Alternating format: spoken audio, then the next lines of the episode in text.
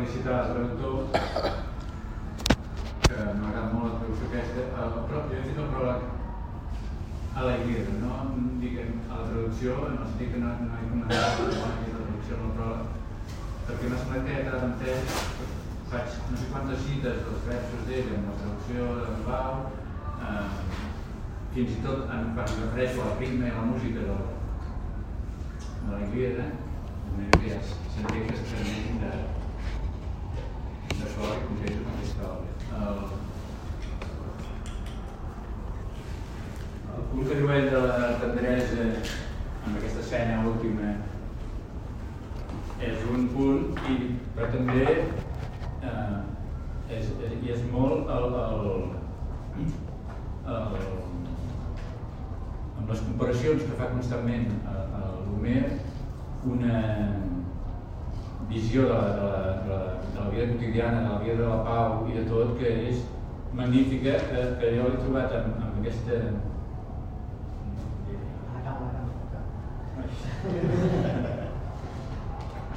que diu eh, eh, Homer és el més gran, és el més vell, eh, no, és el més gran, és el més antic, és, és el patró, és, és l'amo, és el pare, és el mestre de tot. I especialment és el mestre del que hi ha mai, el que més gran que ha existit mai, que és la família. Um, tenia aquesta altra cita. Eh, llavors hi ha, hi ha és, és el primer llibre de la nostra, de, de les literatures europees, és el primer d'això de la literatura.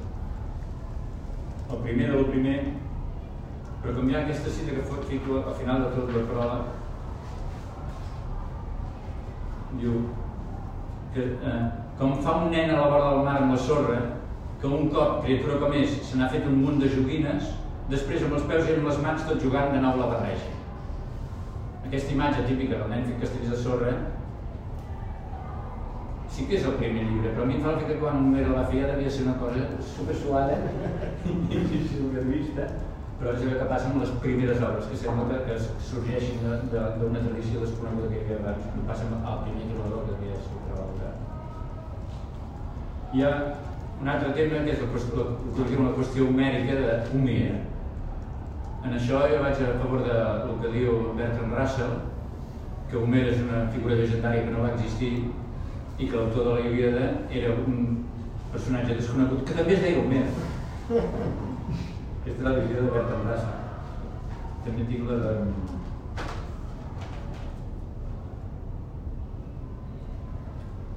La, de, la... Després hi ha l'altra part de la qüestió homèrica és la Ilíada i l'Odissea són del mateix autor, realment? O són dos Homers diferents?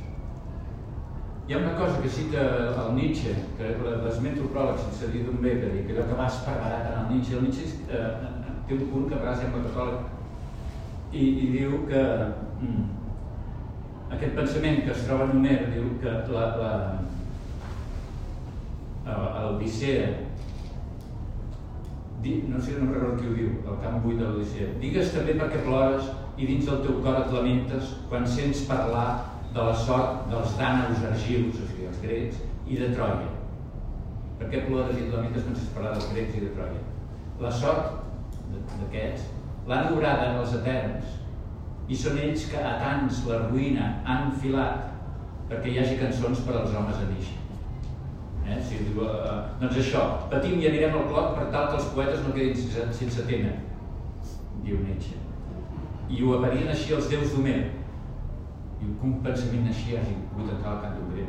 Però bé, aquesta idea de els déus a tants la ruïna han filat perquè hi hagi cançons per als homes a néixer, és l'Odissea, que per mi és una mica més amenarada que la Ilíada, que ho diu el mateix, diu, ho diu la, la famosa Helena de Troia, que Zeus ens ha donat un mal destí, és molt més senzill, però que Zeus ens ha donat un mal destí perquè els homes que neixin en temps venidors en facin cançons de nosaltres.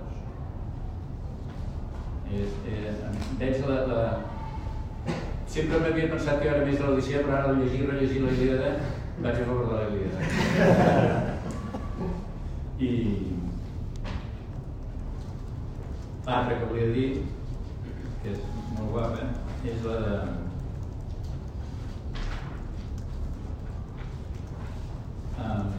sempre pinten, jo em vaig dir, hi havia un jove en Bona Vista, Homer, sempre el pinten vell i sec. Però esclar, si ha sigut vell, eh, ha sigut jove, això segur. I, si ets sec, pot ser que t'hagis fet de gran, perquè realment la, la, la visió dels colors, dels fons, de tot, és bestial. Uh, en el, a la tercera part dels viatges de Gulliver, que es diu Viatge a la puta Balnibarbi, Glubdubdrip, Lugnac i Japó, uh, el Gulliver fa petit, un breu viatge a la petita illa de Glubdubdrip, que significa, segons diu ell, uh, illa de bruixots i mags, que és més petita, és, fa un terç de l'illa de White. Diguem. I el governador hi té el poder de fer venir qui vulgui del país dels morts i de tenir-los al seu servei durant 24 hores per no més. I no pot tornar a cridar a la mateixa persona fins que hagin passat 3 mesos, excepte en ocasions molt extraordinàries. Gulliver està allà i diu, ah, doncs podem fer venir els morts. Diu, crida Alexandre el Gran, que diu que parlava un grec una mica difícil d'entendre, i li explica que no va morir marinat sinó per una febre per veure massa. I un dia Gulliver demana al rei que convoqui Homer i Aristòtil amb els seus comentadors però aquests eren una tropa tan nombrosa que es van haver d'esperar al pati. D'aquests dos herois, Homer i Aristòtil, diu Gulliver que Homer era el més alt i ben plantat de tots dos, caminava molt dret per la seva edat i tenia els ulls més vius i penetrants que he vist. És un testimoni de primera mà, que sigui a través de la ficció i del País dels Morts, però diu la mirada de Homer. I què més volia dir, és important? Ja està, l'última cosa és allò del,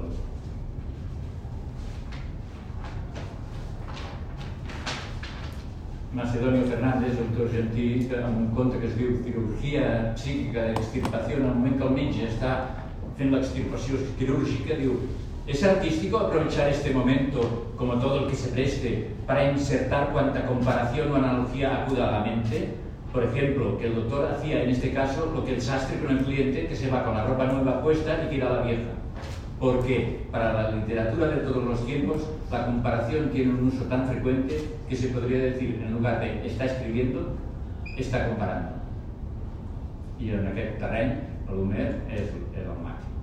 Les comparacions que aquí a la Ilíada, cada una és, és com un poema i, i una visió i és alhora realista i no sé com dir-ho.